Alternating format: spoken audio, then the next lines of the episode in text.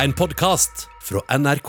Vi i Filmpolitiet skal diskutere en av de mest spennende TV-seriene den siste uka. Ja, vi har dommen over den nye Marvel-serien Loki. Ja, og her er det en del ting som må snakkes om, altså.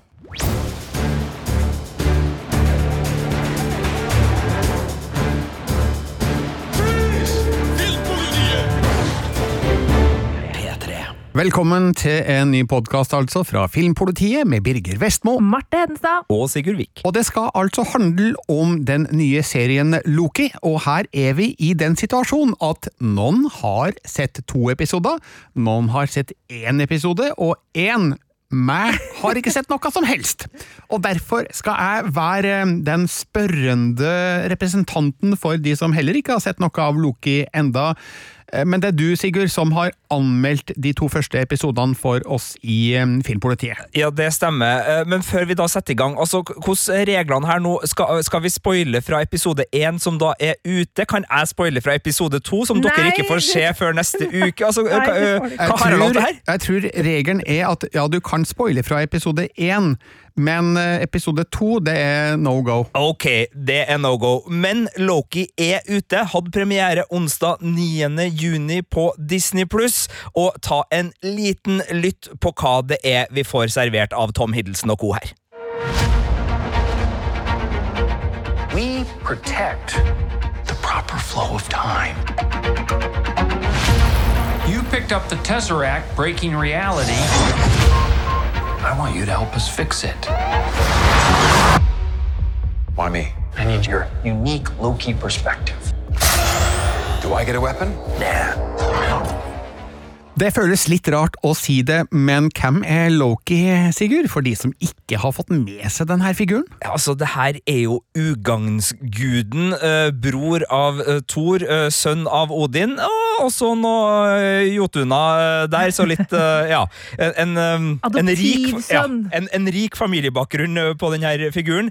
En rollefigur vi, vi har kjent gjennom mange filmer fra Marvel Cinematic Universe. Han var jo den store skurken i den første Avengers-filmen, og så har han jo hatt en såkalt story arc som har tatt med på flere eventyr, og som gjorde at han fikk en eh, endestasjon i Avengers Endgame, som gjør at man kanskje spør hvorfor, eller hvordan i all verden kan de lage en Loki-serie, for han er jo Altså, eh, altså, i Infinity War, starten av Infinity War, var det vel, så daua jo Loki. Eh, sånn at eh, eh, Spoiler alert for de som ikke har sett Eh, Infinity for sent, Marte, for seint. sent. Sånn at det er jo litt sånn hvordan i all verden kan han faktisk eh, eksistere, men det er jo fordi at i Endgame, spoiler alert, så var det jo noe tidsreisegreier, og det var en liten Loki som plukka opp noe han ikke skulle ha plukka opp, eh, og som starta en slags ny tidslinje.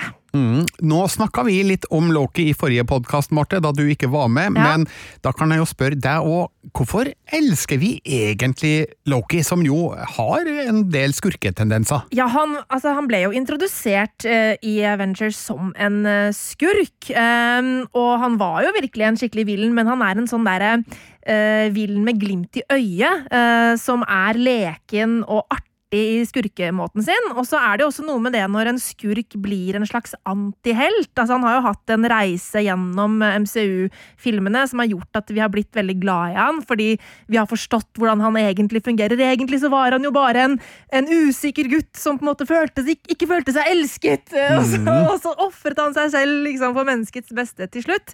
Um, sånn at han har hatt en veldig interessant story arc, og kanskje en av de egentlig rollefigurene i MCU-universet som har hatt en kanskje mest interessant story arc.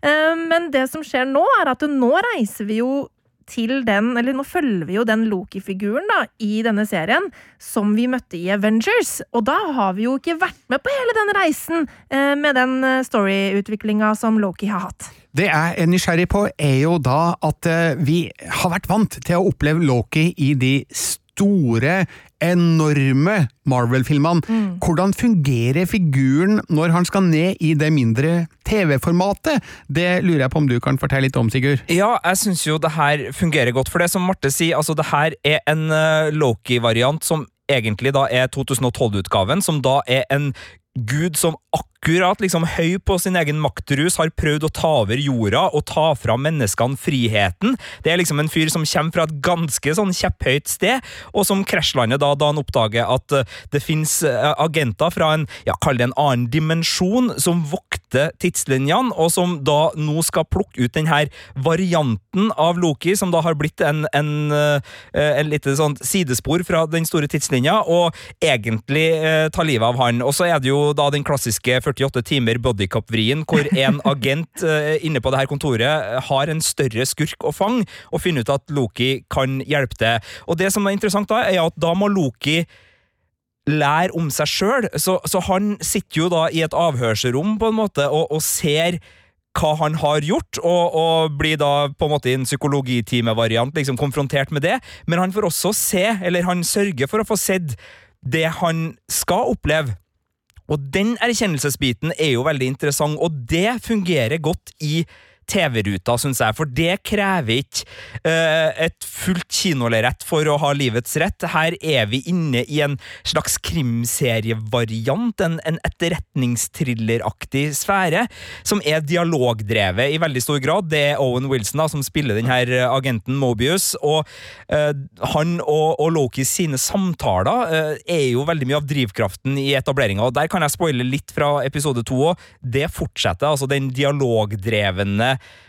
svungen som, som uh, motor for framdriften her, både når det gjelder å forklare mytologien og reglene i det nå nye, relativt nye delen av MCU som vi skal inn i, som da handler om enda mektigere folk som kan ha krefter som ja, Thanos til og med ville ha fått trøbbel med. Jeg vet ikke hvordan det hadde fungert hvis uh, disse agentene skulle arrestert Thanos, og det har de sikkert gjort, da, i ulike varianter, i ulike der han har tulla med Infinity Stones og havna på ville veier, hvem vet. Men, men det er fascinerende, da. Men det var et langt svar på spørsmålet ditt jeg syns det funker i TV-ruta, fordi det er ikke en beinhard actionserie, i hvert fall ikke enda, selv om det, det er noen sekvenser, men det, den dialogbiten svinger, da. Ja, og så er det jo noe med det at Loki er jo en fyr som liker å prate, noe det også harseleres med både i traileren for serien eh, og serien. Altså, eh, eh rollefiguren eh, til Owen Wilson sier sånn du, du, liker jo å prate, liksom, og kødde litt med det.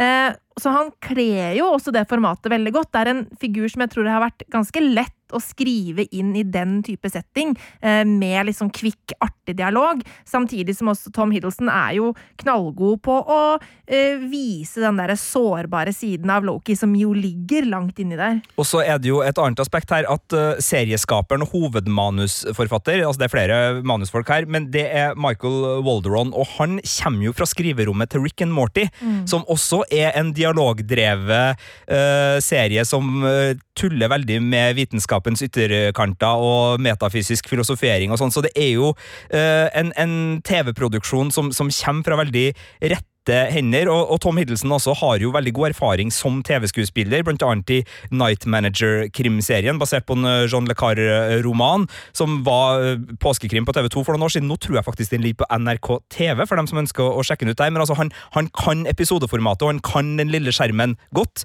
Han kan også kino, altså. Mm -hmm. men, eh, men, jeg syns det, det, virkelig funker, da, som blir kjent med Loki. For det er så kompleks rollefigurutvikling her. For Loki er jo ikke bare én person, han er en variant av en figur figur vi kjenner fra før, men som også har mange andre former. Og, og uten at vi skal gå helt i spoilerline, så har det jo blitt avslørt i en trailer at eh, han også må krysse av på fluid når det gjelder eh, kjønnsidentitet. Eh, og det kjenner vi også fra norrøn mytologi, og, og, så også at serien Ragnarok på Netflix henter litt den biten av Loki, at det her er en shapeskiftende gud som både kan framstå som dyr, som menneske, som mann, som kvinne, og, og den leken med alle disse identitetene som Loki kan ta, og alle formene han kan ta, blir nok også sentral for denne serien. Men nå, når jeg hører dere forklare uh, Loki-serien, så høres det ut som en prateserie.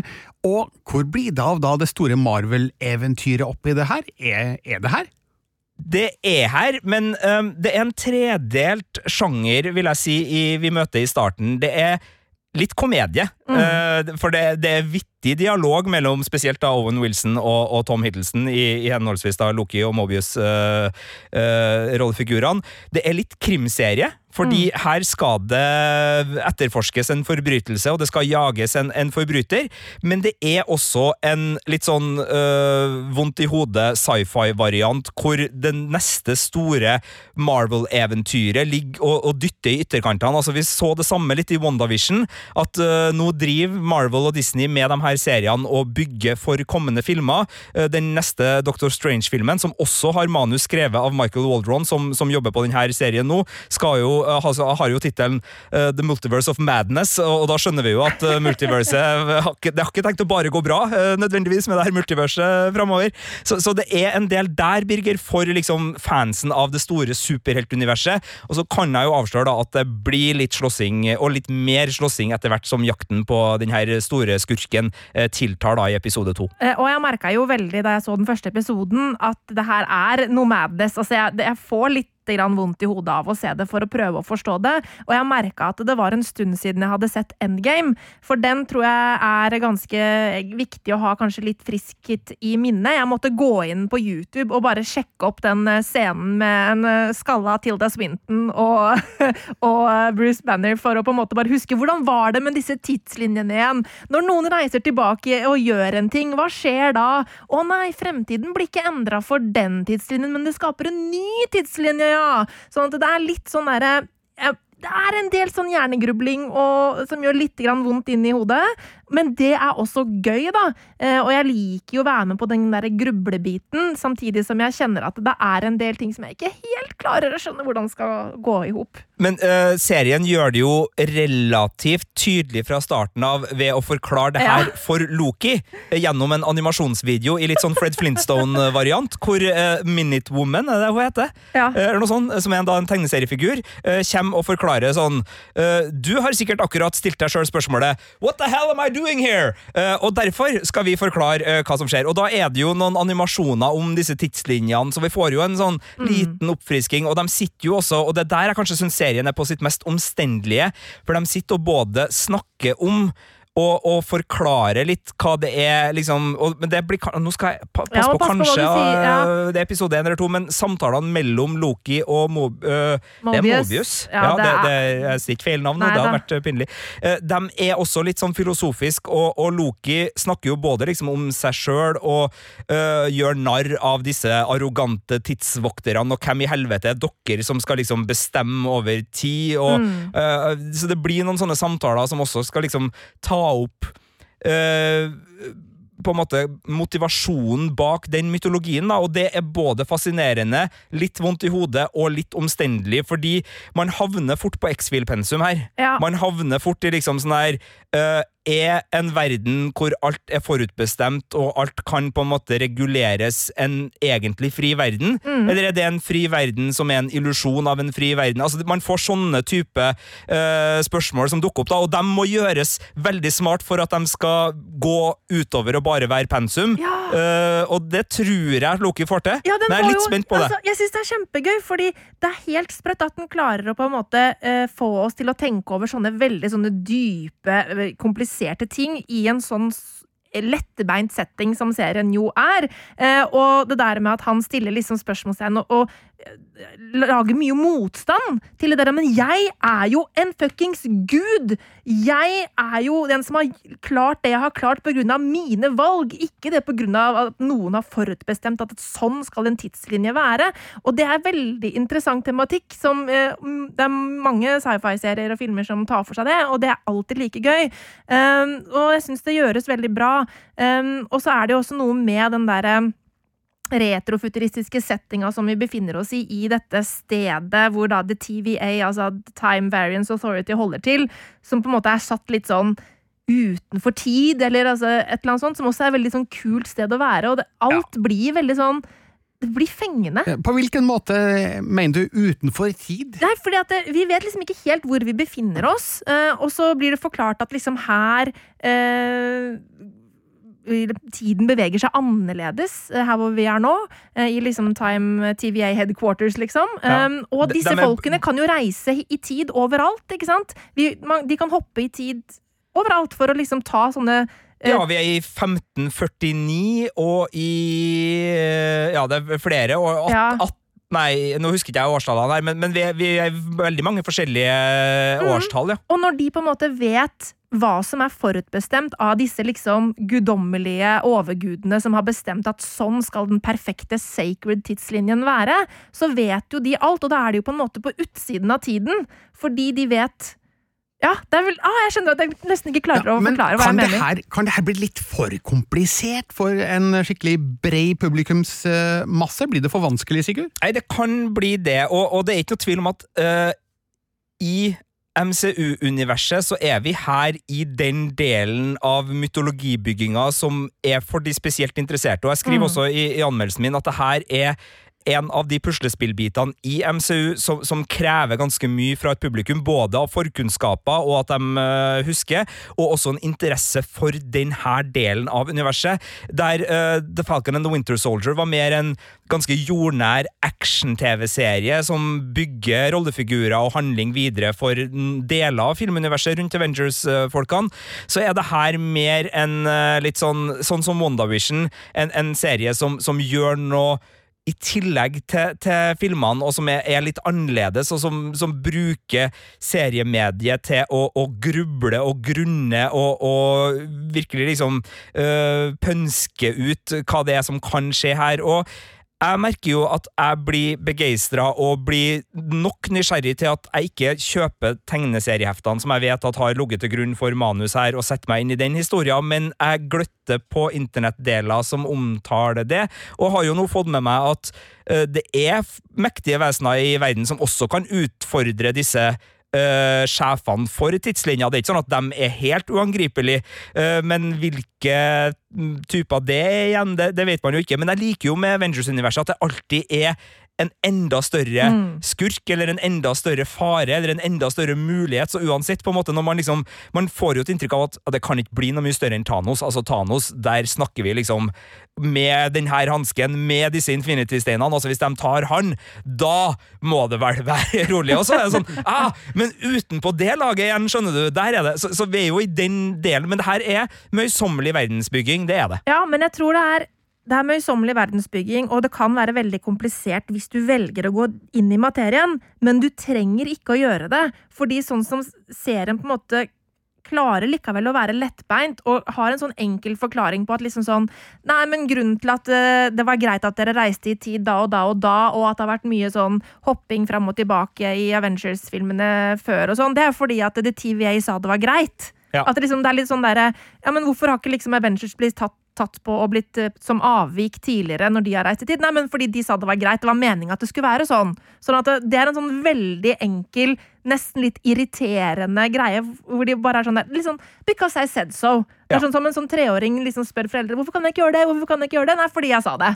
Men øh, fikk du med deg den beste vitsen av alle i episode én? Hvor Loki tilkjennegir at han visste at Avengers holdt på med noe rart fordi han kjente lukta av Ja. to parfymerte Tony Starks, og det merker du. Altså, så hvis én Tony Stark er i rommet, da vet du det. Hvis to Tony Stark er i rommet, da vet du det også. Så sjøl om Avengers i Avengers Endgame prøvde å være kamuflert da de reiste tilbake i tid, så lukta Loki at det var to øh, Tony Starks der. Kan man egentlig lukte samme aftershaven eh, fra to forskjellige hold? Altså, Går de ikke opp i en enhet? Kanskje det blir liksom litt for mye. Sånn som hvis du, Noen ganger så hender det at jeg tror at jeg har bom- bomma når jeg tar på meg parfyme. Så bare, å nei, jeg bomma. Og så tar jeg på meg en til, og så bare faen, jeg bomma ikke. Og så går jeg og stinker, så blir det altfor mye parfyme. Men eh, Sigurd, i løpet av de to episodene du har sett, um, har du fått noen forståelse for hvem er egentlig da seriens antagonist? Er, er det Loki sjøl?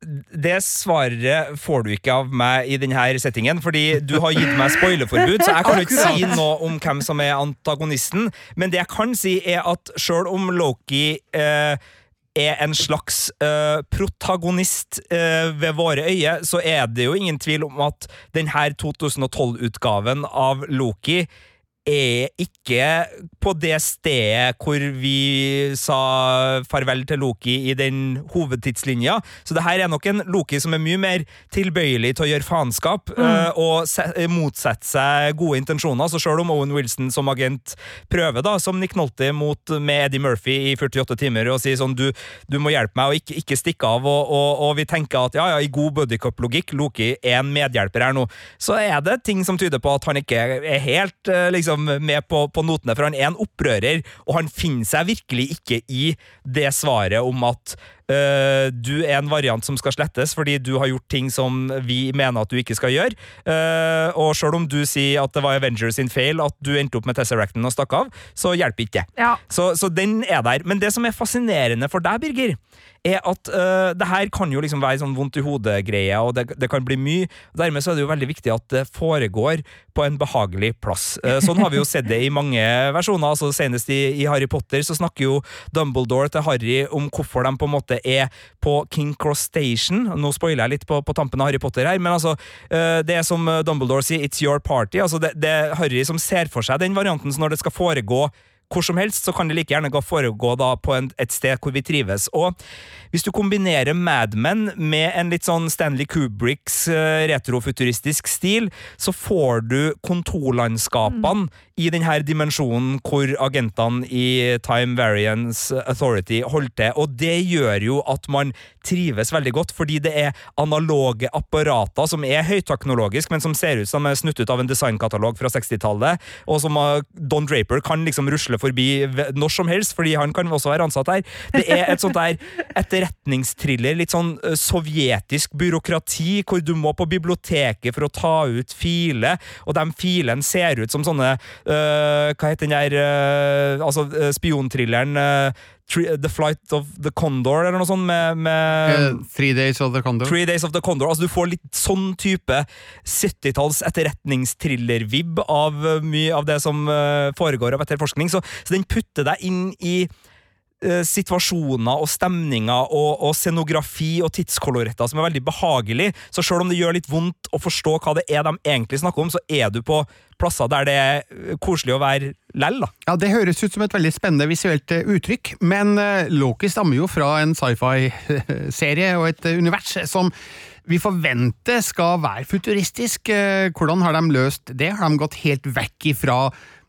det vante uttrykket fra MCU-universet? Nei, det er vel en, eh, eh, det er en annen type magi der. eh, fordi kreftene til Loki virker jo ikke sånn som de pleier å gjøre inne på agentbyrået. Men det er allikevel en plass hvor animasjoner kan hoppe inn og ut av dataskjermer. Det er en plass hvor Hvordan vil du beskrive den byen? Ja. Som, som uh, Mobius han peker jo og viser liksom, hvordan det ser ut her. Det er jo et gigantisk eh, altså Det ser jo ut som en, uh, en sci-fi-by. Ja, det gjør jo det. eh, Med flyvende biler og hus som svever og eh, I liksom sånn hvordan man så for seg en futuristisk by på 60-tallet. Sånn ser det ut. Til og med liksom i det, Altså til og med hvordan an- eh, tegningene er utført. Altså Det ser ut som om det er en film fra 60-tallet når du ser ut av vinduet der. Um, og uh, Loki liksom spør sånn This is magic! Og så, man klarer ikke å forstå hvordan dette her kan skje, og lurer på om det er en illusjon og alt mulig sånt. Uh, og det kjenner jo at jeg også lurer litt på innimellom, men uh, det er bare et skikkelig kult sted å være. Det minner meg litt om Legion. Eh, akkurat på estetikken. Altså den Eh, uh, X-Men-tilknytta serien Ja. som eh, FX uh, laga, og som fikk tre sesonger, som jeg beskrev en gang som å være fanga inni ei Pink Floyd-låt. Ja. For den er hakket mer psykedelisk. Den er hakket mer psykedelisk, for der er vi virkelig inne i hodet til Der er folk. det astralplan og Ja. diverse. Ja. Men det er noe av den der, noe av den der samme, sånn som du skriver i anmeldelsen, også den der retrofuturistiske utseendet på det, som er veldig kult, rett og slett. Um, og så Ja, og så siden på en måte Loki sine krefter ikke fungerer der inne, så så bryter vi liksom ikke sånn ut i det der MCU-greiene heller. Men nå har jeg bare sett første episode, så jeg, det aner meg jo at vi skal være med på eventyr utenfor headquarters etter hvert. Det kan Um, traileren også bekrefte. At uh, altså Når de skal etterforske, så må de ut og etterforske, og da må de jo reise til uh, ulike plasser i tid Ja. og ulike sted uh, for å etterforske. Så det kan vi avsløre. Og så kan vi også si at selv om det ikke er alle de magiske kreftene som fungerer innpå her, så har de en del oppfinnelser som Ja. gjør det veldig artig. Fordi de har blant annet en bryter, Birger, som restarter deg. Så hvis du skal springe og angripe meg nå, så kan du holde på med det i 20 tilbake. år. For Ja. jeg bare spoler deg tilbake. Jeg spoler deg tilbake, jeg spoler deg tilbake, jeg spoler deg tilbake. Men må du sitte i 20 år sjøl og spole meg tilbake? Ja da, Ja. eh, hvis du ikke gir opp, da. eh, Eller så kan jeg potensielt spole deg lenger tilbake, sånn at du er i et annet rom, Uh, muligens. Ah. Og det gjør at en del actionsekvenser Ja. blir ekstra artig, fordi uh, Hvis du slåss med en sånn bryter og gjør det bra, så kan du øh, unngå en del slag og komme deg unna en del situasjoner. Men- så det er en, i hvert fall én skikkelig god slåsskamp med den bryteren. Men, men vet du at du blir switcha tilbake? I, Nei, altså Jo, du vet jo ikke at du blir switcha tilbake, men jeg vet at du blir switcha tilbake. Ja. Jo, eller vet du ikke altså, I hvert fall i første episode så har, så har eh, eh, Loki en liten sånn switcheroo da, med en sånn agent som har hanka han inn. da En Hunter B-15, som spilles av Wumi Mosaku, som er hun som spiller en av rollene i Lovecraft Country. Veldig kul skuespiller og dame. Veldig kul rollefigur. Eh, ja, og, og hun blir pissed off, så hun merker at hun blir spolt tilbake igjen og igjen når hun prøver å fucke Loki. Ja, det er ganske det funny. men han, det er jo han som avgjør hvor mye og hvor lenge Ja. hun blir spurt tilbake, så hun har ikke kontroll Eller hun vet jo ikke hva som skjer neste gang. selv Nei, nei, det vet jeg ikke, men hun, gang mer, gang. hun, hun merker at hun, ah, hun glemmer ikke at hun har vært liksom fremfor han. Hun blir ikke spolt tilbake i hodet, hvis du skjønner hva jeg mener. Nei, nei, nei. Mm. nei. Uh, mentalt så blir du ikke spurt Mm. tilbake. Det er ren fysisk, eh, sånn som det uh, framstår. Uh, ja. En ting jeg må spørre om, eh, noe av det som har vært morsomt med serier som eksempel The Mandalorian og WandaVision, er jo alle easter egga i, i episodene. Eh, Har du lagt merke til noe easter egg-bonanza i de to første episodene av Loki, Sigurd? Eh, Jeg er jo ikke så dyktig på å spotte det før jeg ser YouTube-videoer som uh, spotter det. Ja. Så jeg skal ikke si at jeg uh, tok noen easter egg sånn umiddelbart. Altså det jo det å eh, ta referansene er jo selvfølgelig Ja. noe, og det er masse referanser både internt til liksom det her universet, men også uh, litt sånn popkulturelle referanser, sånn som for eksempel at uh, den animasjonsvideoen er mer eller mindre bygd rundt Fred Flintstone-estetikken. Det er Mm. mulig det er tegneserieskapere Ja. som Så, så, Ja, så altså, jeg ikke hva nevner hva riktige navn nå, Hva men, heter men den uh, ikke, Fred, ikke Flintstone, men den andre serien som er foregår i, i verdensrommet? ja, Jeg husker ikke hva Den den samme heter. serien. Jetsons! Det er Jetsons, Det er sånn ja. det ser ut utafor der. Sånn det ser ut som utenfor her, ja. Ja. Så den type, kall det easter eggs, eller kall det Men, men hvis easter eggs er selvrefererende, litt sånn øh, ting som skal ha noe med sjølve MCU å gjøre, så tror ikke jeg at jeg kan liksom huske på at jeg catcha noen, nei. Men um, Du har vært på internett, si! Nei, jeg har ikke vært på internett, Uh, men jeg lurer jo på en annen ting. Nå har jeg bare hørt det er snakk om Loki fra det kjente MCU-universet. Vet du, eller kan du avsløre om eh, serien får besøk av andre kjente figurer derfra? Eh, altså, vi eh, ser jo ganske mange i tilbakeblikk, og jeg regner jo med at det er ikke umulig at eh, de reisene som gjøres, ender opp på plasser vi kanskje har vært før, Mm. eh, og møter da mennesker som da vil tilføre nye eh, interaksjoner enn de vi har sett i filmuniverset. Det er en god mulighet. Eh, Det er også mulig at andre figurer dukker opp, men det virker som de lukker det ganske greit. Og så er det jo en sånn litt vemodig ting med denne Loki-serien. Det er at i hovedlinja vi følger, så er Loki død. Uh, drept av uh, Thanos. Og jeg tror det her er litt sånn siste Mm. uh, siste sang for Loki, fordi denne Lokien har ikke noe med den tidslinja å gjøre, og jeg tror ikke på en måte han vinner seg tilbake dit på noe vis. Altså, det her er en 2012-Loki som Ja. er en variant på, på ville veier, så jeg, så jeg frykter vel at det kommer til å være en ganske lukka historie, samtidig som vi kan møte på agentene og det her byrået igjen, det tror jeg. Uh, kanskje allerede i, i Multiverse Madness-filmen til Doctor Strange, hvor også WandaVision-plottet blir, blir sentralt. Men uh, det er godt mulig at det her er liksom ei lukka seksepisoders eh, Altså en, en gave til Loki-fansen, og en, en serie som virkelig får gravd i Loki som rollefigur, samtidig som han kanskje ikke skal være med oss eh, videre. Fordi Det, det vet jeg ikke, altså, men, men jeg tenker at det er en mulighet, i hvert fall. For det, det der er noe av de tingene jeg syns er litt vanskelig å forstå, selv om jeg liksom tror jeg skjønner reglene for hvordan tidsreise og disse tidslinjene fungerer i MCU.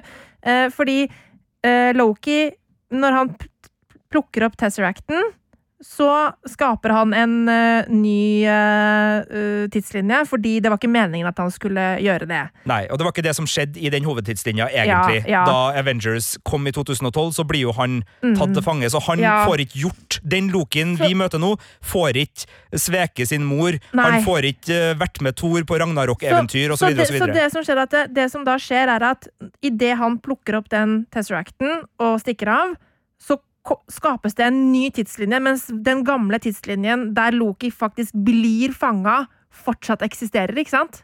Ja. Ja, for det er der jeg syns det er vanskelig. For jeg er bare sånn, Men hvorfor kan han ikke gå til, kom, bli satt tilbake? Hvorfor må han liksom For det som liksom er regelen til TVA, er jo at disse avvikene skal utslettes. Stort sett. Og, ja, og det syns jeg har vært litt vanskelig å forstå, men det, det er rett og slett fordi at idet han gjør det, så er han ikke den Loken lenger. Da er vi i et nytt univers, liksom. Men Captain America har tydeligvis fått dispens. Ikke sant? Fordi får sa det var greit. gammel. Ja. Så det, det er derfor det, det er en del Ja. sånne småting som jeg syns er litt vanskelig, og så må du liksom bare svelge det fordi at TVA sa det var greit, og da skal det liksom gå opp. jeg, jeg har ikke noe bedre svar å gi deg. Det er godt mulig at folk som hører på det her, noe som kjenner uh, universet og reglene og tegneserieuniverset, ikke minst, da bedre enn å sitte og vrir seg i smerte fordi vi bare sier feil ting nå, og i så fall så beklager vi virkelig. Men som TV-seere som er sånn godt påkobla, men ikke fantastisk eh, kunnskapsrik altså vi, vi har sett de seriene og filmene som er i hovedtidslinja til MCU. Jeg har ikke sett alt av Marvel-serier uh, utenfor, altså ikke alt av eh, Luke Cage og det der. Jeg, jeg har ramla av Ja, er, no, noe av det. det, Men, det men vi har sett uh, alt i hovedlinja, og for oss så er det sånn det framstår nå. Ja. Hvis eh, du har noe innspill og kan forklare med deg på en bedre måte, gjerne send det inn til filmpolitiet at nrk.no. Vi må faktisk avrunde denne podkasten av en sånn banal grunn at vi har litt mindre studiokapasitet i dag enn vanlig, men til slutt, Sigurd, du har sett to av seks episoder. Er du huka?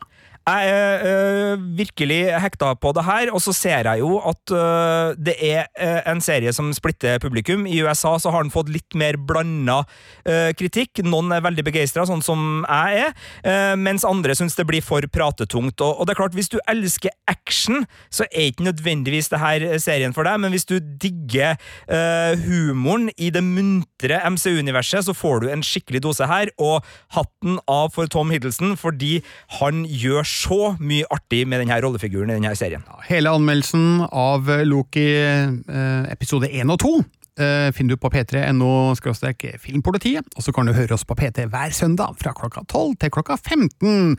Og vi som har sittet her i studio i eh, denne podkasten, er Birger Vestmo. Marte Hedenstad. Og Sigurd Vik. Du har hørt en podkast fra NRK. Hør flere podkaster og din favorittkanal i appen NRK Radio.